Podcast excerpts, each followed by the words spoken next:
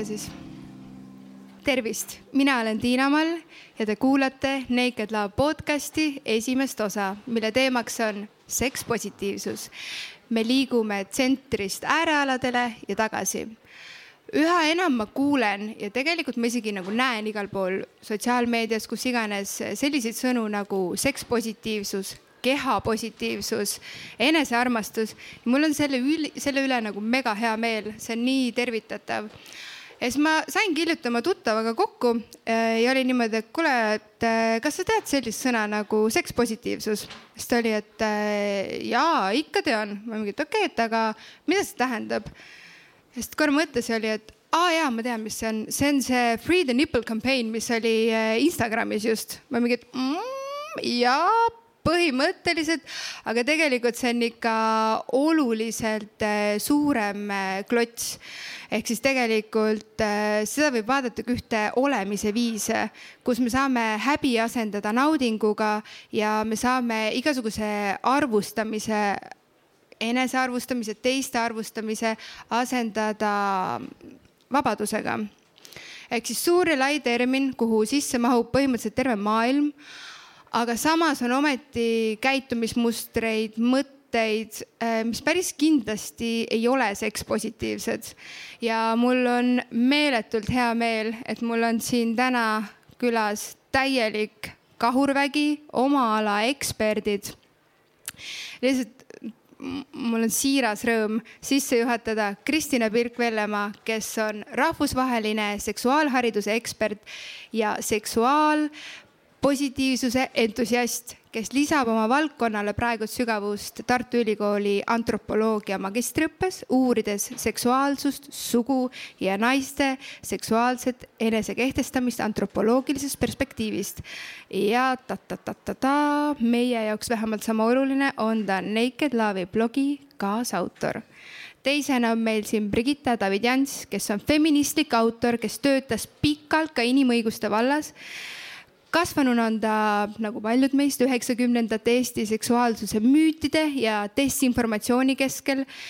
ta peab väga oluliseks eh, nii-öelda just seda naise pilku siis eh, nimetatud eh, teemaliseks teemadele.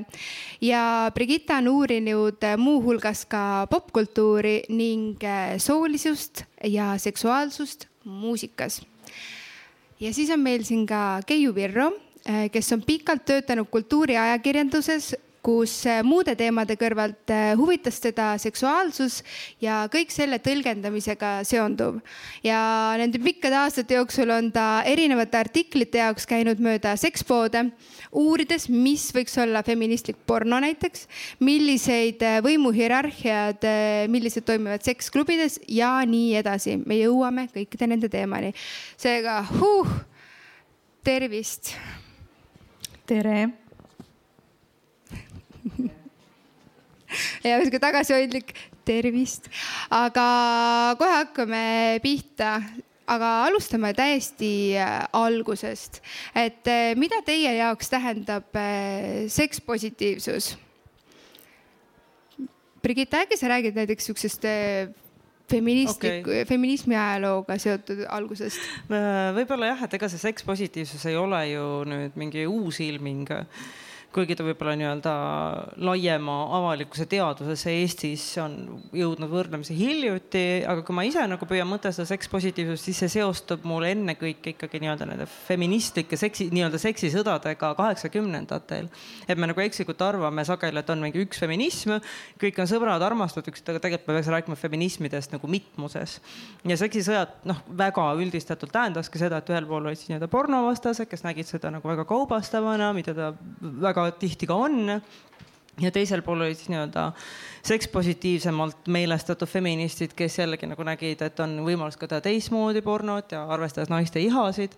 aga noh, ühesõnaga pikk jutt väga lühidalt on see, et äh, kõige selle jooksul teise laine feminism lagunes ja tuli kolmas laine, mis siis äh, andis teed erinevate seksuaalsuste aktsepteerimistele ja võib-olla ka nii-öelda margine-, marginaliseeritud identiteetide tunnustamisele, aga noh, minu jaoks isiklikult võib-olla kõige olulisem aspekt on see, et me ei mõtle ainult heteronormatiivselt, vaid näemegi kõiki neid teisi äärealasid.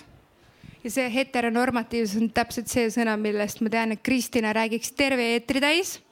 Aga Kristina, mis on sinu jaoks sekspositiivsus ja ma räägin terve eetri täis. Et tegelikult ei räägi mm,, ma ei tea, ma kõige lihtsamalt ütleks, et äh, see mitmekesisus kõige laiemas mõttes, see, et me oleme need, kes me oleme ja me saame olla need, kes me oleme ka seksuaalses plaanis, nii soolises kui ka seksuaalses plaanis, et ei ole just nimelt selliseid polaarsuseid või et on õige, on vale, siin on õige kast ja siin on kuidagi selline noh, vale kast.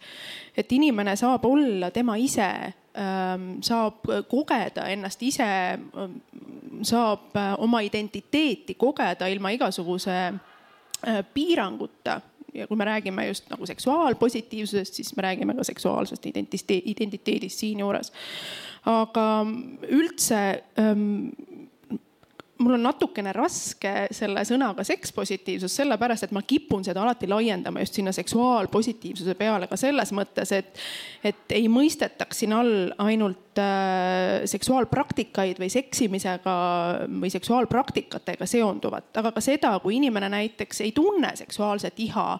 see muidugi ei tähenda seda, et inimene ei võiks eneserahuldamisega tegeleda või et, et, et ta, et ta ei koge naudingut või orgasmi, ükskõik millisel äh, moel. aga et, et me ei, ei kitsendaks seda kuidagi kahe inimese, kolme inimese, üldse inimeste vahelisele, vaid kuidagi vaataks ka inimese sissepoole. vot.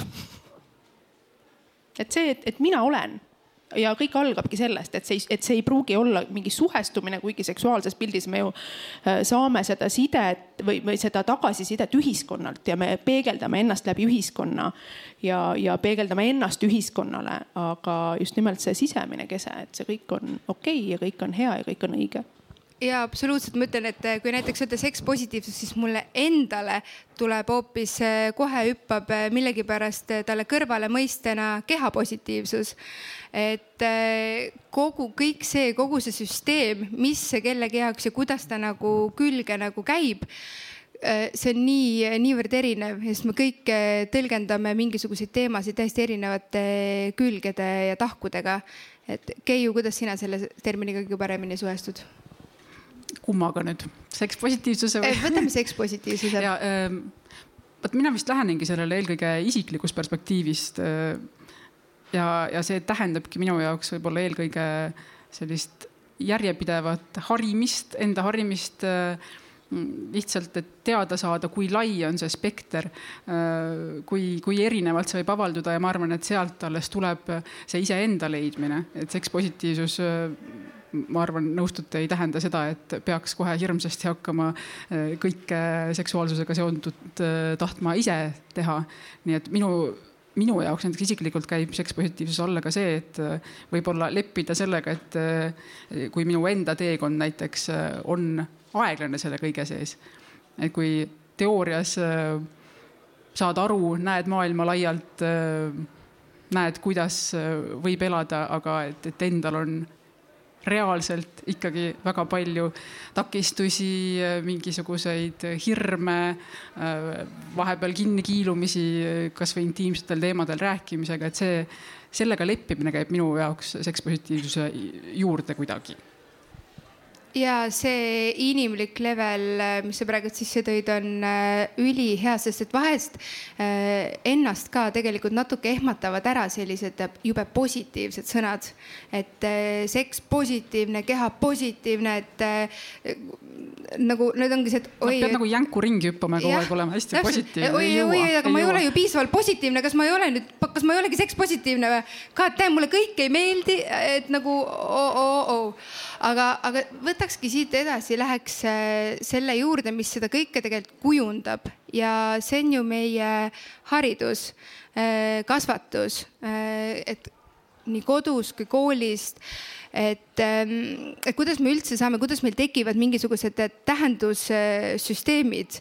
et Kristina, sina kui koolitaja, kui koolitajate koolitaja ja mida sa ütleksid, et kui me räägime praegult Eesti mõistes seksuaalharidusest, mis meil praegult puudu on, et me saaksime veel rohkem, et me saaksime liikuda selle nii-öelda neutraalse, positiivse suhtumise poole, mis puudutab seksuaalsust?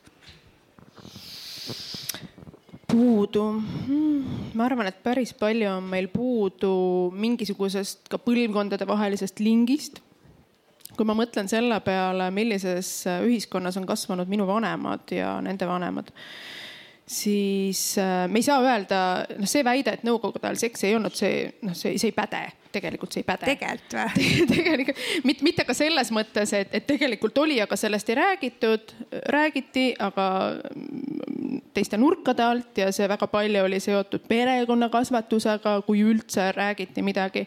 ja väga moraliseeriv ja siia tulevad jälle need sooteemad sisse, et äh, nagu ma ka viimases Naked Love'i äh, blogiartiklis kirjutasin ma mäletan oma äh, väga varasest äh, teismeeast, võib-olla isegi varem, mu vanaemal olid äh, kapis sellised raamatud nagu Sinule tütarlaps ja Vestlusi noorukitele, mitte noorukite ka, vaid noorukitele ja mõlemas raamatus on väga tugevalt läbiv see joon, et ega see seksuaalsus, see ei väljendu naistes nii väga, et see on see meeste värk, et, et meestel on äh, erutus kerge tekkima, et naised vajavad hellust ja õrnust. ja mitte, et see seksuaalsusega seotud ei oleks, eks ju, aga, aga seda on kuidagi nagu jäetud hoopiski äh, noh, sellest skaalast kõrvale ja, ja et meil on põlvkondade kaupa kasvanud äh, inimesi, kes ongi mm, olnud selle teadmisega, et naise seksuaalsus, see on midagi sellist ähm, tabustatud, tühistatud ja see, et on olemas erandid, et ei, minul küll niimoodi ei olnud või minu ema küll rääkis, see ei tähenda seda, et see erand äh, looks sellise ühise vihmavarju, et me ikkagi, äh, ma ka praegu oma magistritöös uurin neid naisi, mm, kelle teismeiga jääb sinna nõukogude aja lõppu lõppu ja uue Eesti äh, Vabariigi algusesse, et kuidas nemad on kogenud seda nii-öelda üleminekut ja kuidas nad on, äh, kuidas on neid mõjutanud see seksuaalkasvatus või seksuaalkasvatus, mida siis nõukogude ajal on saadud. Ja ikkagi need sõnumid need on puudulikud, et väga keeruline on öelda konkreetselt, mis meil on seksuaalhariduses puudu, sest tegelikult meil on õppekava ja meil on äh, väga palju tublisid, noh tubli on nõme sõna selliseid tegijaid. ärge oma lastele tubli öelge. või sisustage ära, kui te ütlete, et mida see tubli tähendab eks, et Eesti tüdruk Eesti naine on ka toksiliselt tubli, aga mida see tähendab? et äh, meil on äh, koolitajaid, harijaid, õpetajaid, kelle südameasjaks see tõepoolest on ja nad teevad väga ägedat tööd ja järjest rohkem on neid noori, kelle jaoks seksuaalharidus koolis ei ole mingi olematu asi.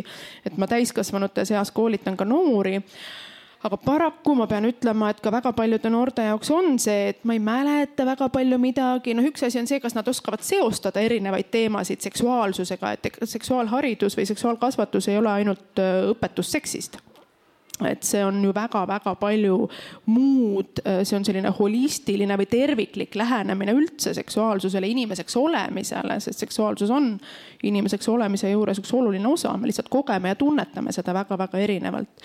aga jah, selline ühtne terviklik lähenemine on tegelikult puudu ja võib-olla ka selline ähm, ma ei tea, ma võib-olla üldistan siin või, või maalin väga laia pintsliga aga ma kipun arvama, et ka paljude õpetajate või koolitajate selline enesepeegeldus või refleksioon või et see, et ma saaksin rääkida vabalt noortega ja noortele see tähendab seda või eeldab seda, et ma tunneksin ka iseennast vabalt nendest teemadest rääkides. see, et see õppekavas on olemas ja ma mingeid definitsioone neile seletan või selgitan, see on ainult osa sellest, aga noored püüavad ju palju laiemalt seda infot. ma just mõtlen, et kui sa praegult räägid, et sa räägid nagu, et kes sihukesest, kes kellele mida räägib ja kui mina mõtlen, et nii palju, kui ise olen kasvõi noortega kokku puutunud, nad ju räägivad kõikidest asjadest hästi teistmoodi, esiteks. kuidas üldse sellistel nagu teemadel suhestuda, sest ma olen küll päris ammu viimati koolis käinud, aga kui niimoodi kuulda, siis mulle tundub, et ikkagi puudu on sellisest eh, nagu kaasaegsuses nagu kõvasti. et võib-olla teen kellelegi liiga, aga sellist nagu lihtsat ja tänapäevast ja inimlikku lähenemist. ega see ei puuduta natuke seda keeleteemat ka või? sest kohati, kui me ise teeme kasvõi Naked Love'is Instagrami postitusi äh,, sorry meie estonglish'i eest, mida me tihti kasutame, aga meil ikkagi väga palju lipseb ja neid ingliskeelseid väljendeid, et me tegelikult ei suuda eesti keeles normaalselt ennast väljendadagi ja pluss äh, tegelikult soostereotüübid mängivad väga-väga tugevalt tänase, tänase päevani äh, rolli ka seksuaalkasvatuses ja tüdrukute-poiste teemade käsitlemises ja tihtipeale tahetakse ka täna, et võib-olla räägite eraldi poistele, eraldi tüdrukutele, me elame ühiskonnas kõik koos. et kui meil ei ole konkreetset põhjust, et näiteks tüdrukud tahavad safe space'i või poisid tahavad safe space'i, et meil oleks nagu oma ruum, kus neist teemadest rääkida, et see on eraldi palve, aga et me a priori nagu eeldamegi, et poisid-tüdrukud peaks neid teemasid teemasid eraldi käsitlema, et see on, see on juba vildakas, aga ma tean, et Brigitte on ka noortega ja soostereotüüpide teemal äh, rääkinud ja kõnelenud, et ma ei tea, võib-olla Brigitta saab siit edasi ja, võtta selle. ja, ja Brigittat on äh, korralik, korralikult mõjutanud see mõnus üheksakümnendate vibe on ju, et kuidas sa praegult emana äh, enda lapsi Äh, sellele nii-öelda seksu-, äh, seksi teemal harid? see, on hea küsimus, sest ma ise kasvasin jah, umbes, ma ei tea, minu seksuaalkasvatus tuli Jane Eyre'ist, äh, kui te mäletate seda toredat raamatut ja naabritüdruku juttudest, kus ma näiteks noppisin üles killu, et kui sul päevad hakkasid, kestavad nonstop elu lõpuni. kui selgus, et ei kestaks, ma isegi natuke nagu pettunud aga ühesõnaga taustaks, et mul on nagu kodus kasvab kolm last, et üheteistaastane poeg ja siis nelja-aastane poiss ja tüdruk ja esimene nagu rusikareegel on see, et me räägime asjadest õige nimedega. tussu on tussu ja nuku on nuku, ei ole mingeid kummalisi eufemisme, kuigi vahel ma ikkagi nagu libastun ka, et äh, kui jutt oli, kuidas beebid tulevad, et kus nad kõhust tulevad ja nii edasi, et kus nad siis välja tulevad, ütlesin, et nagu tussu, siis püüdsin seletada oma pojale, et noh, tuss on nagu uks. jumal ta jahuras mul nädal aega, kuidas see tussu nagu uks on, palun näita mulle videot. Videot ma talle ei näidanud, aga tütar see-eest oli väga elevil, võttis Kopli trammis isegi jutuks valjuhäälsed, et, et ema, ema, et räägi mulle, kuidas ma su tussust välja tulin ja kuidas sa karjusid. ja just, kuidas sa karjusid. Ja siis mina, kes ma olen enda arust hästi vabameelne, tegi kuss, kuss nii et äh, ma ei tea, see vist, ma loodan selle ammendav vastus, ma väga püüan.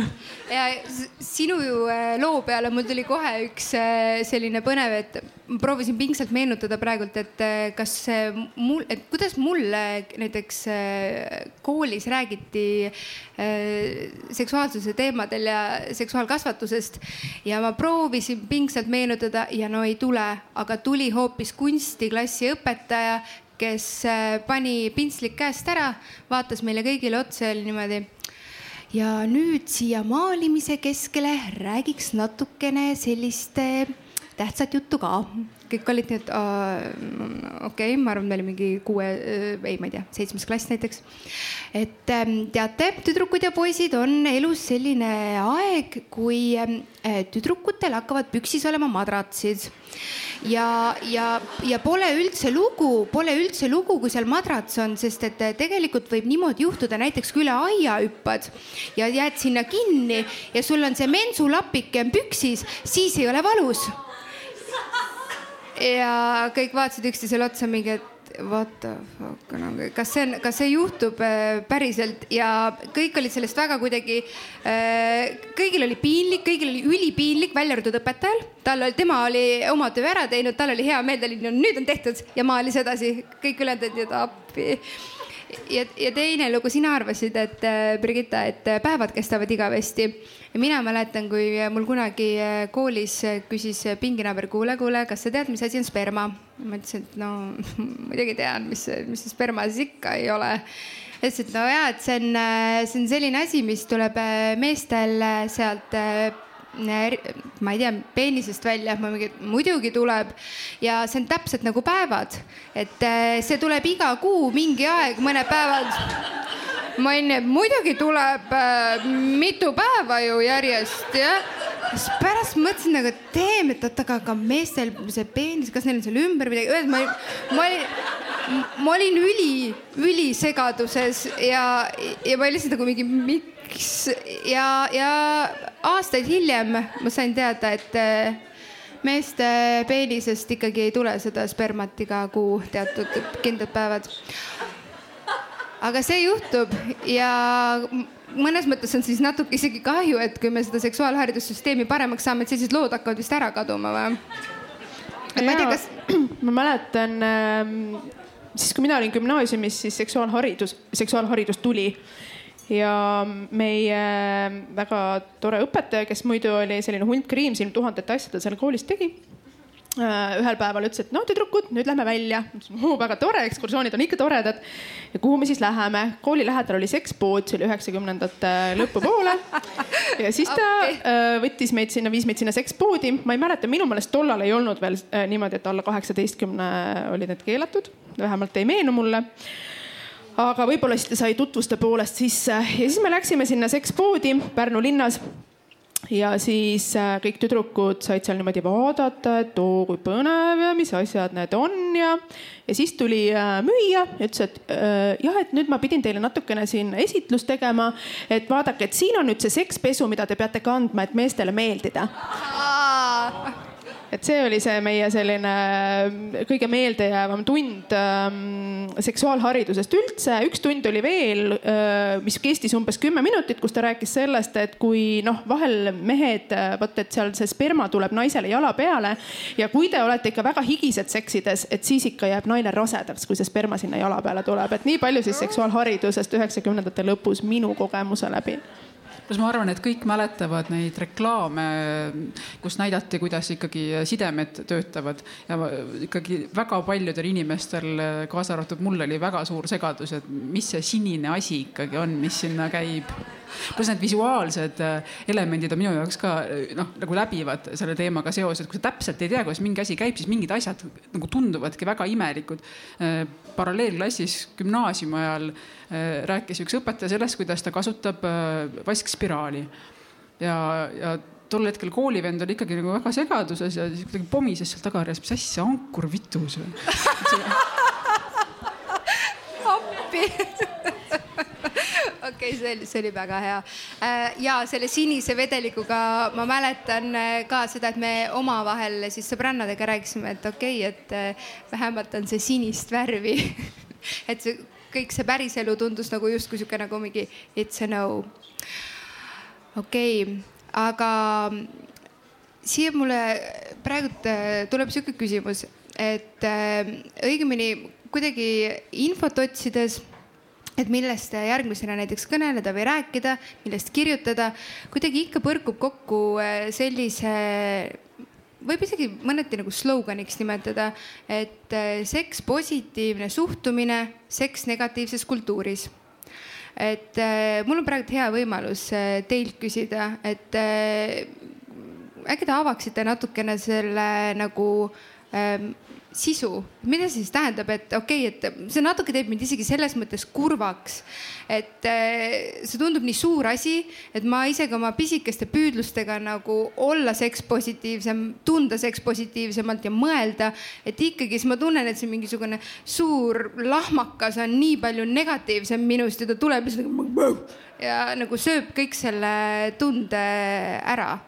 et öelge mulle vähemalt, andke mulle kindlust, et me vähemalt liigume sinna positiivsemasse suunas mina võin olla siin optimist, et äh, taaskord ma ütlen, et vanus selline õpe, et mõlgutan palju oma noorpõlvest mõtteid siin ja, ja et mulle, mulle ikkagi tundub, et kasvõi kui ma vaatan, mis meil nagu popkultuuris toimub, et esiteks see, et me näeme nagu kasvõi noorteseriaalides erinevaid seksuaalsuseid, erinevaid kehasid või kui ma kuulan, kui ma panen raadio käima ja noh, meenuda, et minu lapsepõlves oli põhilaul If you wanna be my lover ja nüüd laultakse Don't rock in my freedom, et see on nagu kuidagi ikkagi minu arust nagu areng et minu arust need sõnumid meie ümber on muutunud ja need sõnumid, mida noored internaliseerivad, on ka muutunud selles mõttes, selles mõttes mina olen nagu optimist ja noh, kui ma vaatan ka tudengit, et okei okay,, noh, me, me ei räägi seksist, me räägime seksuaalsusest.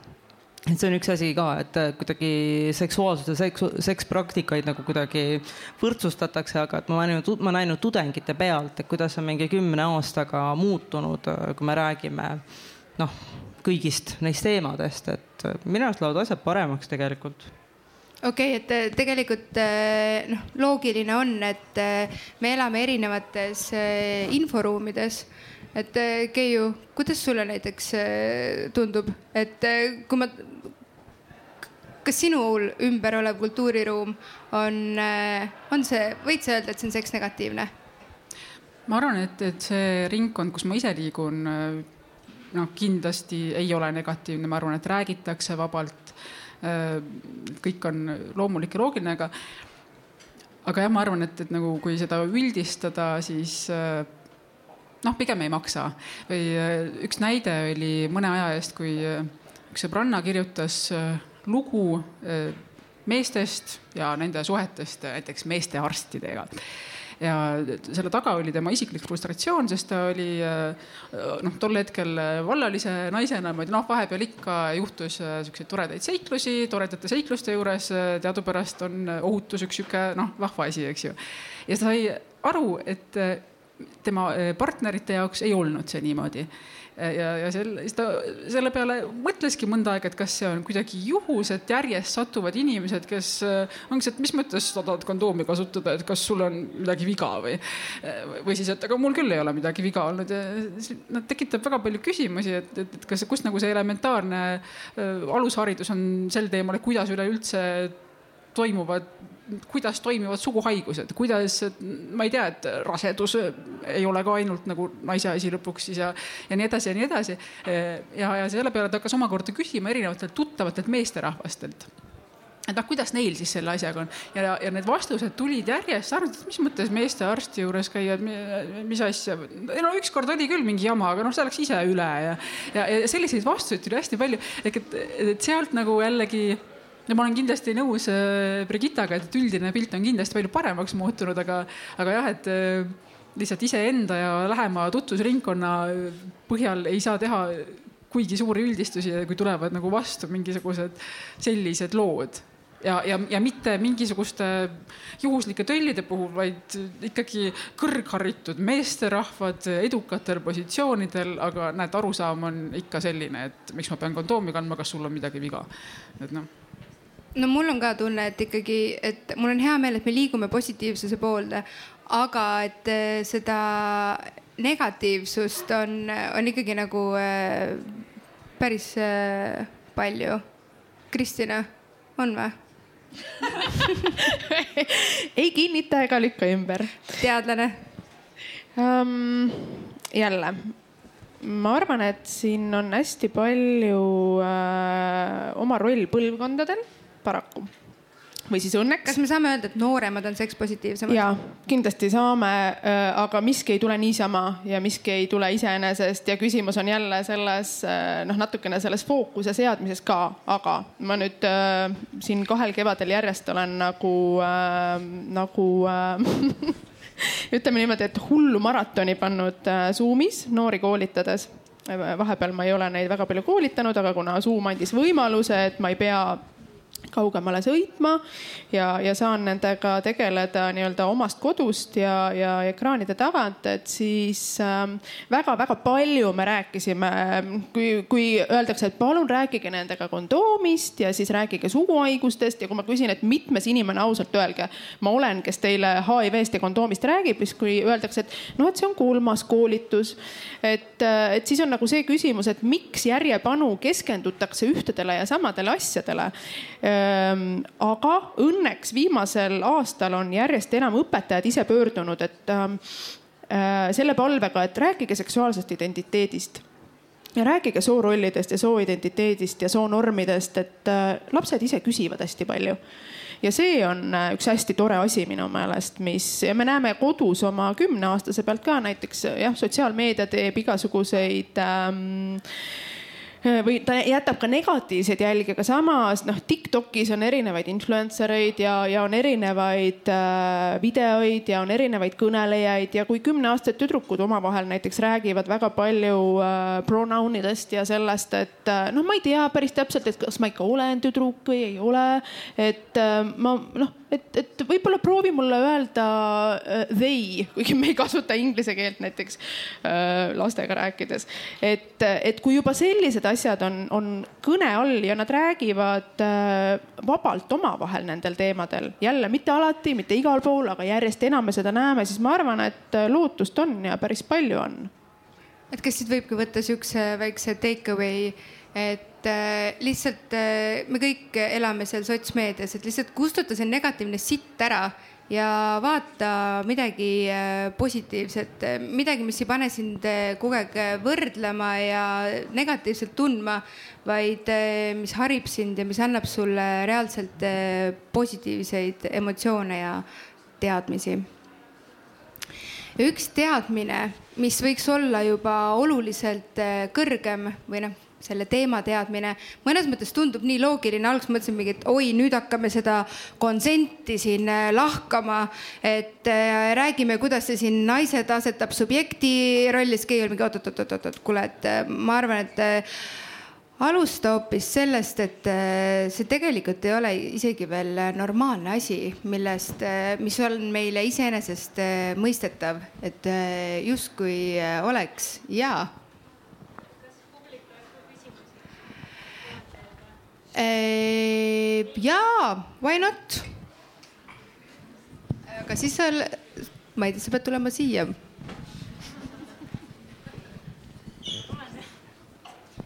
see on ikkagi live. Äh, tere, mina olen Kristi ja mul oli kommentaar, küsimus selle kohta, et äh, jah, kustutada see negatiivne sitt ära. olles ma ei tea, Tiktokis elanud mõnda aega, siis äh, ma ikka suubusin kuhugi väga mingisugusesse sekti nii-öelda.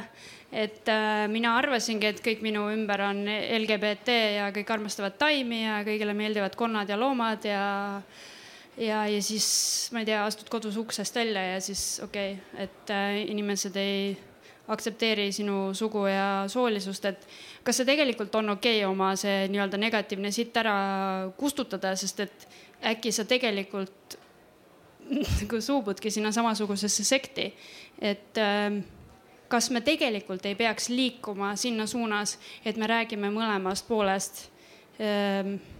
mis on see mure, miks keegi kardab või ei taha või arusaamatus, kus see tekib. et äh, ilmselgelt jah, kustuta see negatiivne sitt oma elust ära, aga noh, siis sa jõuadki sinna nagu mina, et äh, kõik on nagu mina. tegelikult ei ole. siit võib-olla ei tulnud küsimust, ma ei tea. ma arvan, et tuli küll et aga ma arvan, minust on siin oluliselt äh, targemaid inimesi äh, vastama, et väga mõnes mõttes õige point, et ei, ma arvan, et see on väga õige asi, mida öelda ja siis see on nagu kahe otsaga asi, et sotsiaalmeedia tõesti loob kõlakodasid ja võimendab. aga noh, ma mõtlen kasvõi seesama LGBT teema, et kui me mõtleme, millised olid meie õigused nõukogude ajal, millised nad olid üheksakümnendatel, millised nad olid nullindatel, milliseid võitlusi inimesed pidasid, et me just äh, ühe oma kolleegiga vestlesime kunagise nagu lesbiaktivistiga kaheksa, üheksakümnendates, kes ütles, et üheksakümnendatel alles leiutasid eesti keeles sõna lesbi et seda sõna nagu varem ei olnud. et siis tegelikult on nagu noh, meil on homofoobiat Eestis, aga ta on ikkagi, see tase on kõvasti langenud võrreldes varasemaga ja inimeste teadlikkus teemadest on läinud väga palju kõrgemaks, et see tuleb ka tegelikult nagu välja mujal kui sotsiaalmeedias, see, et noored tõesti suhtuvad identiteetidesse avatumalt aga, aga ma saan aru ka sellest murest, et kas on õige ümbritseda ennast ainult äh, selle infoväljaga, mis toetab minu mõtteid, et see on noh, see on ka minu küsimus, et kas ma teen õigesti või mitte et. kas ei ole natukene sellega kui palju sul on endal seda vaimset jõudu, et, et kui esmaplaanis on oluline see, et kuidagi iseennast hoida, enda tervist hoida, vaimset tervist, ma arvan, et siis on, on, on nagu võib-olla hea mõte kaotada ära see foon, mis äh, lihtsalt murendab sind, aga kui on seda vaimujõudu piisavalt, et äh, üritada selgitada, näidata erinevaid seisukohti, võib-olla äh, suisa vaielda ja jõuda selle vaidluste käigus mingisuguste huvitavate lahendusteni, olla valmis ka ise võib-olla mingisuguseid asju ümber mõtlema või paremini tõepoolest, et aru saada kuidas ja miks äh, mõtlevad inimesed erinevalt, et noh, ma arvan, et see on väga hea, aga, aga ma arvan, et iseennast peab hoidma selle kõige käigus. Jah, et nagu enesehoid on hästi oluline märksõna ja lisaks see on noh, väga õige, mis keegi ütleb, et tuleks rääkida ja tuleks olla valmis tunnustama ka inimese hirmu ja ebamugavaid tundeid, sest väga tihti tegelikult ma olen tähele pannud, et kui sa seda teed, siis sealt alates algab dialoog aga samas on ka selline mõiste nagu aktivismi väsimus, et, et sa, et sa ei pea olema selleks, äh, töötama mingis huvikaitseorganisatsioonis isegi, et sul see aktivisti väsimus tuleks, kui igapäevaselt käid ja teed seda selgitustööd. aga noh, õnneks tulevadki järgmised aktivistid, kes siis ka väsivad üks hetk.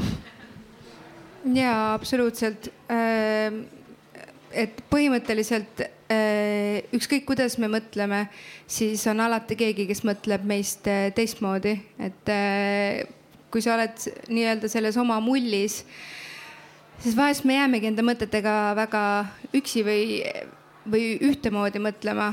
Ja kui tuleb midagi teistmoodi, siis ma ei tea, lööb meil, võtab selle vaiba alt ära või? viimane mõte siia juurde on see, et kui me läheme ajas mingi kolmkümmend viis aastat tagasi, siis ja mõtleme, kuidas oli tollal olla LGBT inimene, siis olidki, elasidki naised kusagil külades baaridena ja arvasid, et nad on ainsad sellised, et vähemalt tänapäeval meil on kasvõi illusioon mingis kogukonnas, kuigi ma arvan, see on ikkagi nagu kogukond ja et see on täiesti niisugune nagu next level, et kui ma selle pealt tulla tagasi nüüd siia konsendi ehk teadliku nõusoleku juurde onju, siis, äh, siis täpselt see ongi see, et kui endale mingi asi tundub justkui nagu loomulik ja normaalne, no mitte teoorias jah, tõesti, et mitte siis, kui sa päriselt selles situatsioonis oled.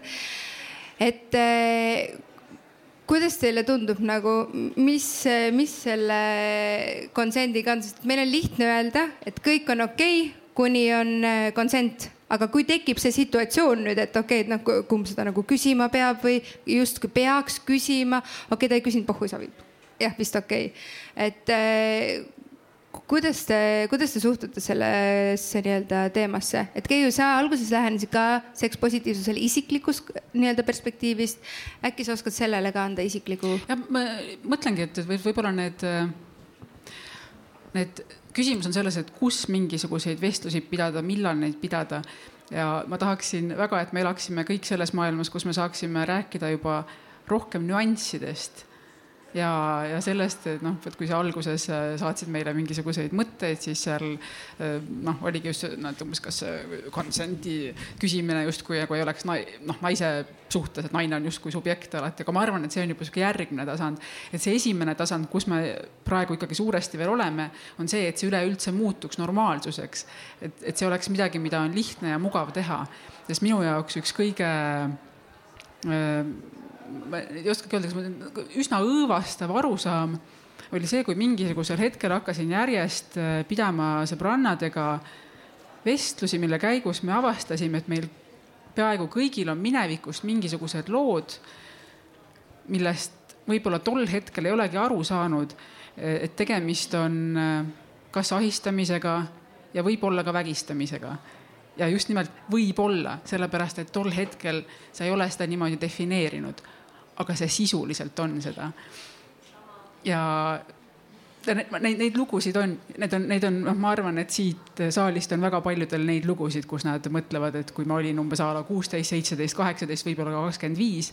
ja kuidas siis, ma ei tea, kas mingi peo käigus midagi juhtus või lihtsalt oli mingi inimene, kes väga-väga äh, meeldis, aga tahtis natuke rohkem ja esimesel korral võib-olla ütlesid ei, võib-olla ei julgenud öelda. ja mis siis lõpuks juhtus ja noh, seal oli lõputult variatsioone, aga lihtsalt see jah, minu, minu mõte, kuhu ma tagasi tulen, ongi see, et siiamaani ei, ei, ei oska veel isegi ise alati aru saada, kui loomulik see peaks olema, et keegi kõigepealt küsib, et te vastastikku olete täielikult nõus. et nüüd mulle tundub, et me oleme selle dialoogi alguses veel selle koha pealt.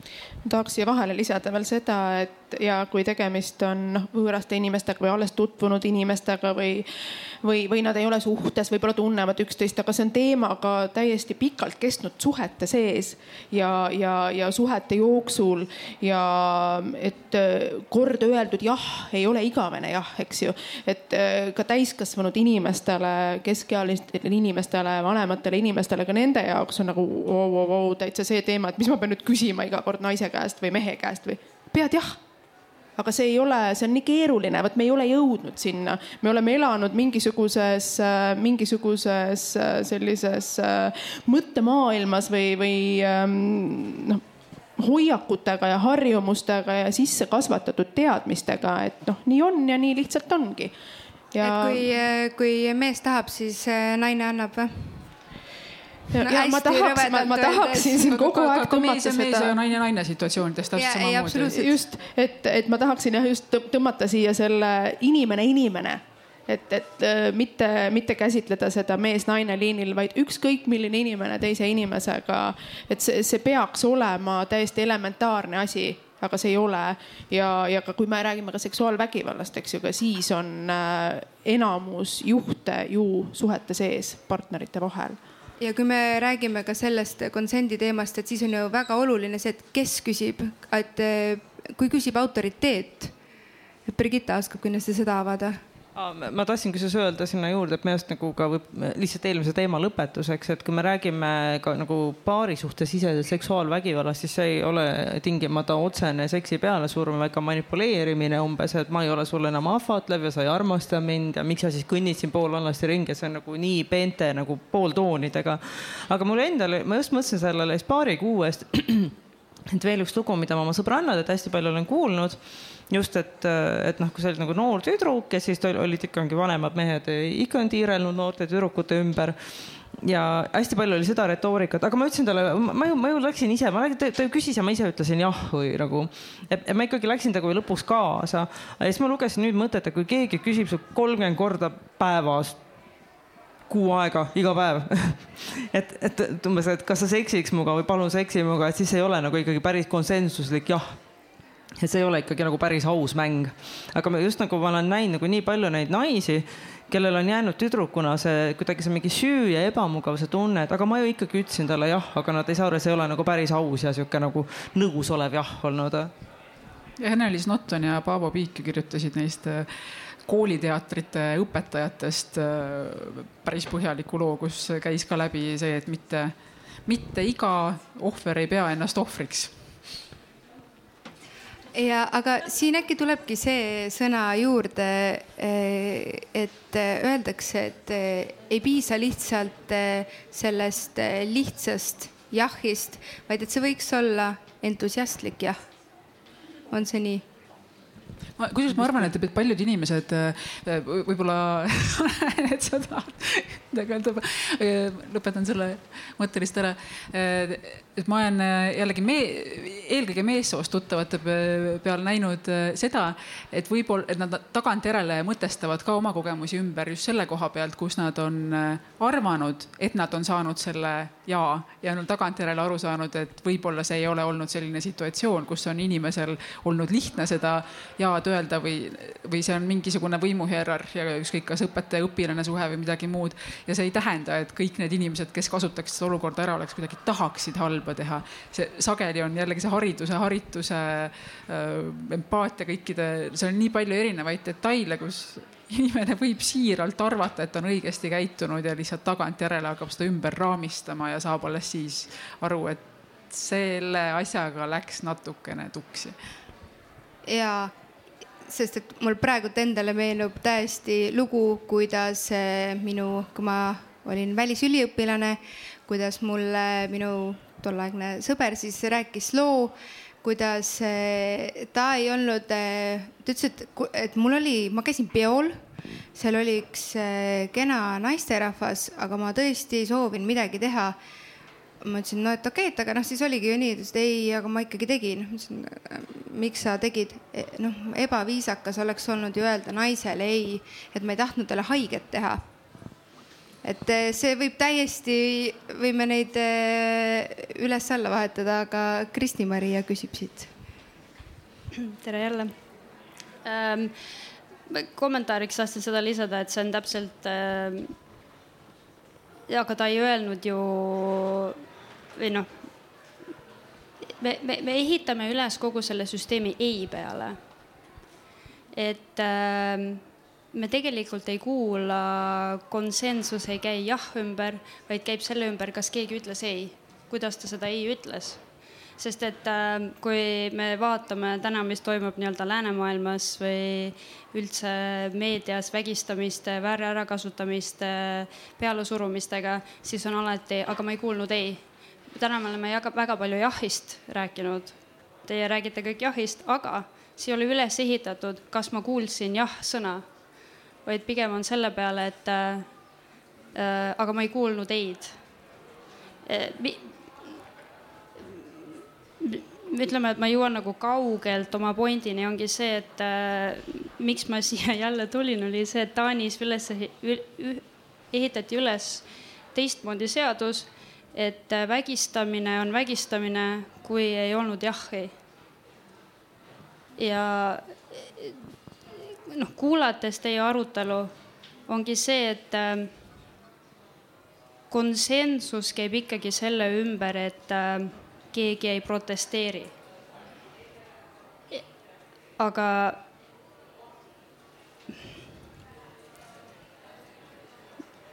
mm, me ei ehita üles seda kindlusele või sellele, et äh,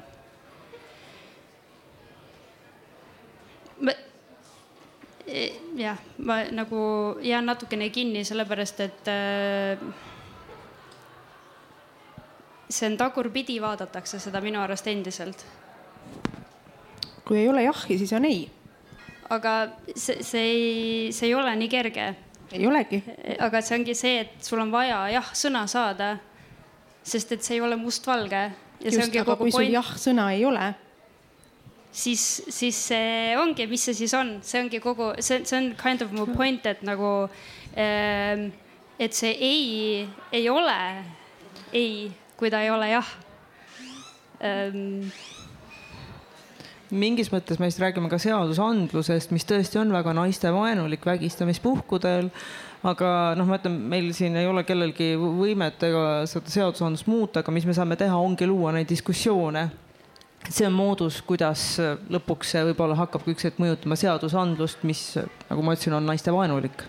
Või noh, ohvrivaenulik või kannatanuvaenulik isegi on võib-olla kõige õigem öelda mitte taasohvristada il,. ilmselgelt ja ma ei, nagu ei pane seda kellelegi pahaks, aga lihtsalt minu arvates ongi see, et nagu tegelikult kuni selle momendini, kui ma kuulsin sellest Taani seadusest, sest, sest mina olin ka väga nii-öelda ei orienteeritud.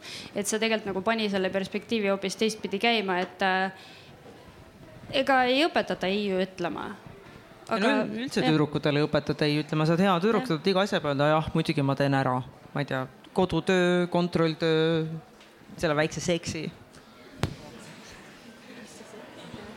Viis pluss. aitäh, Kristi me jõudsimegi minu meelest päris sellisesse mitte sekspositiivsesse vibe'i, et läheksid eh, edasi korraks, eh, põrkaks sinna mitte sekspositiivsuse poole.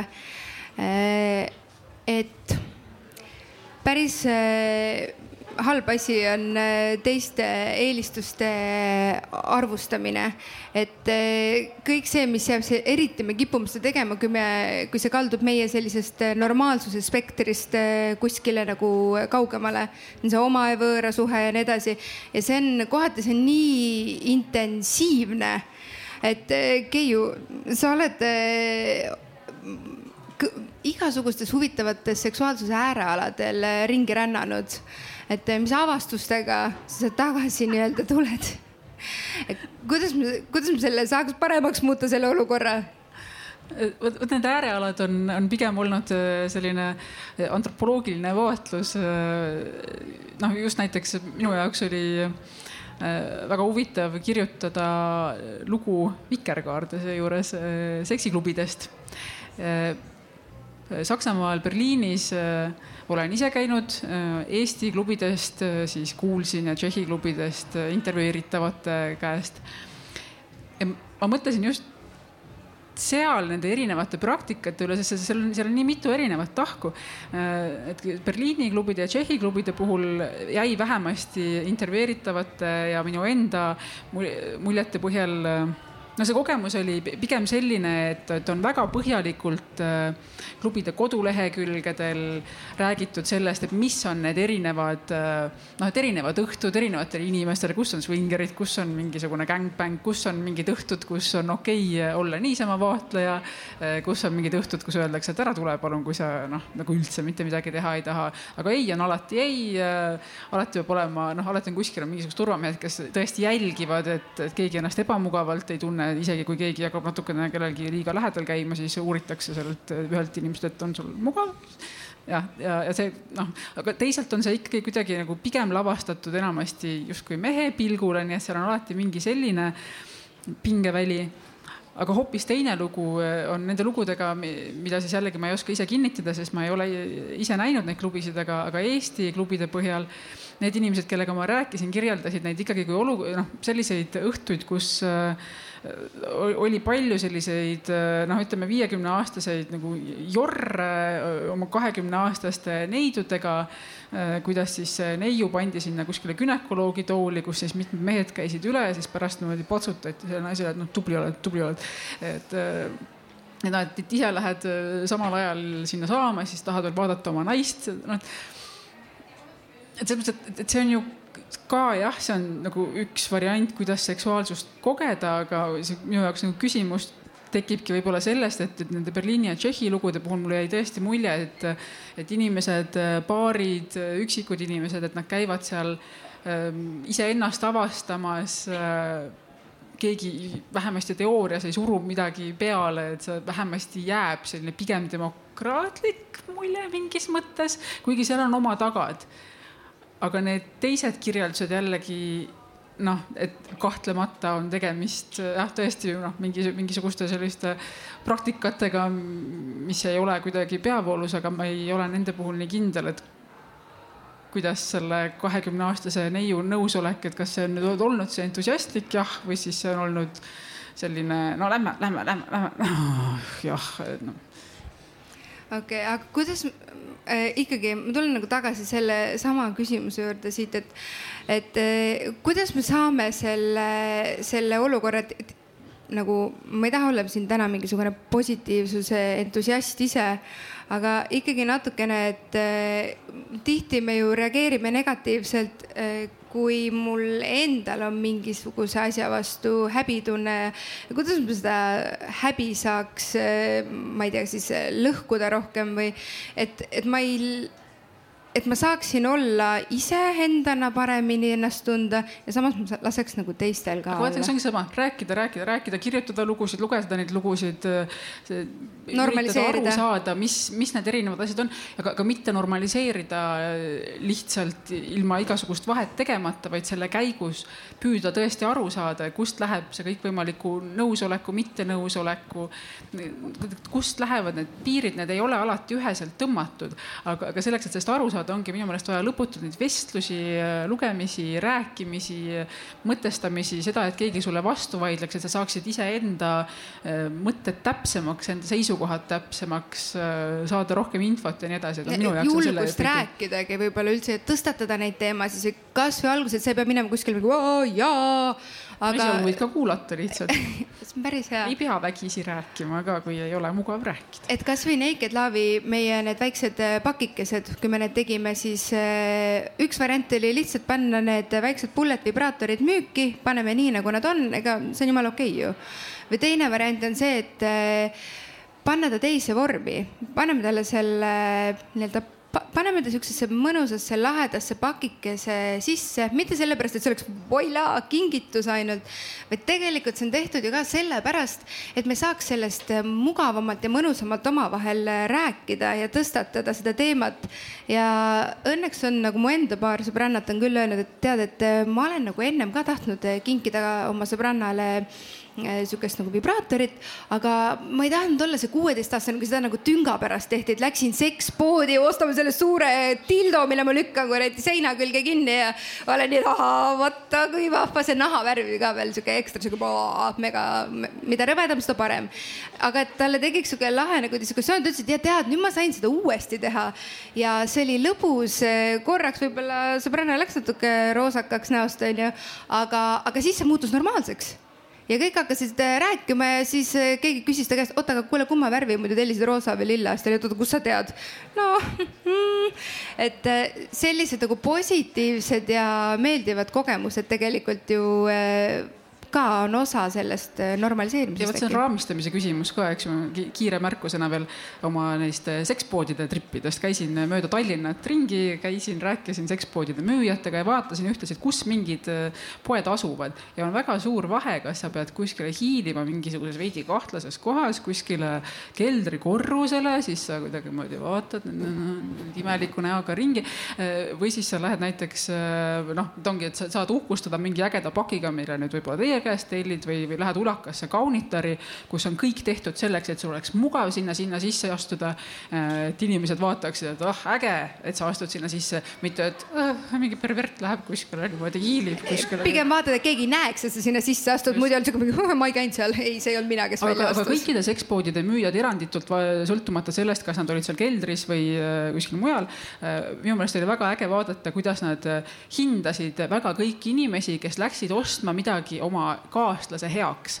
ehk et äh, noh, ma ei tea, tüüpiline näide, et sul ei ole meesterahvas, kes arvaks, et tema hiilgusest endast piisaks absoluutselt kõigeks, vaid et see mees mõtleb oma kaaslasele, et tal oleks parem ja nii edasi ja, ja neil oli määratu respekt kõikide vastu, kes oma kaaslasele mõeldes sinna poodi läksid ja siit äh, eneserahuldamise teemalt kohe, et see on ju vägagi sekspositiivne äh, nii-öelda asi, mida me teeme, on ju, öelge naised. see, ei, miks ma seda küsin just niimoodi naljakalt ja ise ka niimoodi natukene võbelevalt oligi, et, et noh, tihti meil on nagu paar korda öeldud, kuule, et te olete liiga feministlikud, te olete liiga vähe feministlikud, et eh, tegelikult eh, see kõige toredam asi selle kõige juures, eh, vähemalt minu ja Naked Love'i jaoks on see, et need paljusused ongi ju kõige olulisem asi kogu selle asja juures. kelle jaoks on seks võrdub seksuaal nii-öelda sekspositiivsusega, kelle jaoks võrdub totaalselt miski muu. et sest et Kristina kohe, alguses mainisid kohe, et tegelikult ju seks ei ole mingi sekspositiivsus. et eh, what if, kui ma olen, eh, kui ma ei taha seksida, kui ma absoluutselt ei ole huvitatud eh, kummastki soost, aga ma väga hoolin nagu läheda-, mul lähedasi inimesi on. et ja, ja ma ei soovi ja kui ma ei käi tantralaagrites, kas ma siis ei ole sekspositiivne või? Et nagu kas lingame kogu see joonimassaaži värk, et kas see on ka nagu, kas nad on siis sekspositiivsuse maaletoojad, et paneme veits hagu alla siitpoolt, et eh, kas eh,, Kristina, kas seks võrdub sekspositiivsus oh. ütle nüüd ei.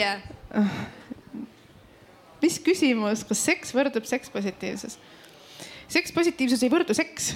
sekspositiivsus on palju rohkemat ja palju laiemat ja tegelikult on imetore, et neid seksuaalpraktikaid on väga erinevaid. ja see kõik on fine ja väga lahe ja see, et sellest räägitakse, on väga lahe ja väga fine ja nii edasi ja nii edasi. küsimus on minu jaoks lihtsalt selles, kuidas viimasel ajal sellest räägitakse. kuidas ka meediast selles räägitakse, et kui sekspositiivsuse egiidi all räägitakse sellest, et no öösel sa pead röökima, muidu ei ole normaalne või et mehed paugutavad ja, ja kui see ongi selline jälle äh, mees-naine liinil, et äh, naine peaks olema endaga rahul ja ennast rahuldama, sest siis sa saad olla mehele parem partner. Fuck it, noh naine peab olema iseenda suhtes leebe, sõbralik. ta peab, mis peab, üldse see sõna peab, unustage ära siit, et me oleme iseenda jaoks. kui su partner sealjuures on, on fine, on tore, kui teda ei ole, on fine, on tore, kõik on hea, mis on mulle endale hea. et see, see selline noh, jälle normaliseerimine, heteronormatiivsus, polariseerimine, mees-naine liinil nendest teemadest rääkimine, et see läheb väga nagu viltu ja väga kaldu. Ja nagu me oleme Naked Love'is rääkinud ka korduvalt, see orgasmi lõhe, millest on oluline rääkida, see ei tohi muutuda orgasmi surveks mis omakorda tekitab selle tunde, et kui ma nüüd ei saa, on minuga väga, noh, mul on mingi masin katki seal, näed, noh, kõik räägivad, et, et näed, lõpuks saavad, aga mina ei saa või, või mis minuga siis lahti on, kui ma tegelikult tunnen, et mul ei olegi nagu probleemi, kui ma orgasmi ei saa. et nendest asjadest oleks vaja rohkem rääkida, avatumalt rääkida, et see pendel ei läheks sinna teise äärde et inimesed, kes ei taha seksida, ei tunneks ennast seks negatiivselt jah, ma ei tea, kas nad tunnevad ennast seks negatiivselt, aga et, et nad ei tunneks, et kui ma ei taha seksida, olen ma katki. ja see ei või... ole katki, see oled sina ja üldse nagu mõnes mõttes ka ikkagi ringist välja jäänud nagu kuskil täiesti teisel pool seal noh, ikka, ikka väga kaugel sellest teemast, kuigi see ei pruugi absoluutselt eh, nii olla ju jah, ma põhimõtteliselt kordan, mis teised ütlevad, et, et ma lisaks veel juurde, et meelest on nagu hästi positiivne, seks positiivne asi siis, mida teha, on niimoodi sõbralikult võib-olla ka norme vaidlustada ja pahupidi pöörata. Et mis on see normatiiv ja mis jääb sellest normist välja ja miks me otsustame, et mingi asi on norm.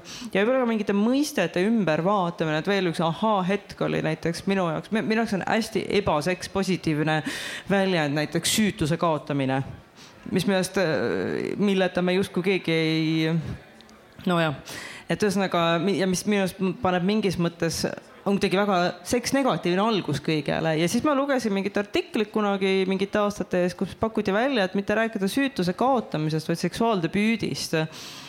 ja üldsegi ja samas jällegi lasta vabaks üldse, mis asi see seks on.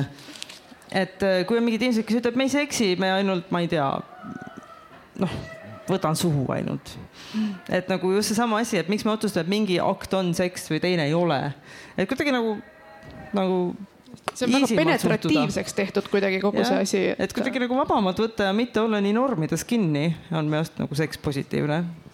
ja, ja siit äh, lõpetuseks äh, jõuamegi sinna, kuhu jõuavad väga paljud Naked Love'i postitused omadega, ongi see, et oluline on ju, kõlab väga lihtsalt ja isegi võib-olla natuke ära nämmutatult, aga oluline on tegelikult ju see teekond, et äh, me peame nautima seda kõike kuhu me oleme nagu liikumas. ja orgasm ei ole mingisugune püha kraal, kuhu kõik peaksid meeldima, et kui ma selle saan, siis on kõik hästi. ei ole arvatavasti, no see on väga hea, aga, aga see ei lahenda kõiki, kõiki küsimusi, mis seksuaalsuse ümber tekivad. aga mina väga tänan teid selle inspireeriva äärealadest keskele ja keskelt erinevatesse äärealadesse tagasi tulnud vestlusega. ma loodan, et paljud said äh, vähemalt mõtteainet, mis see sekspositiivsus on, mida ta ei ole ja kuidas endas ja enda ümber olevate inimestega alustada neid dialoog, vähemalt endaga. ja ma arvan, et siit edasi me juba jäämegi järgmiste kuulmisteni. aitäh aitäh. aitäh.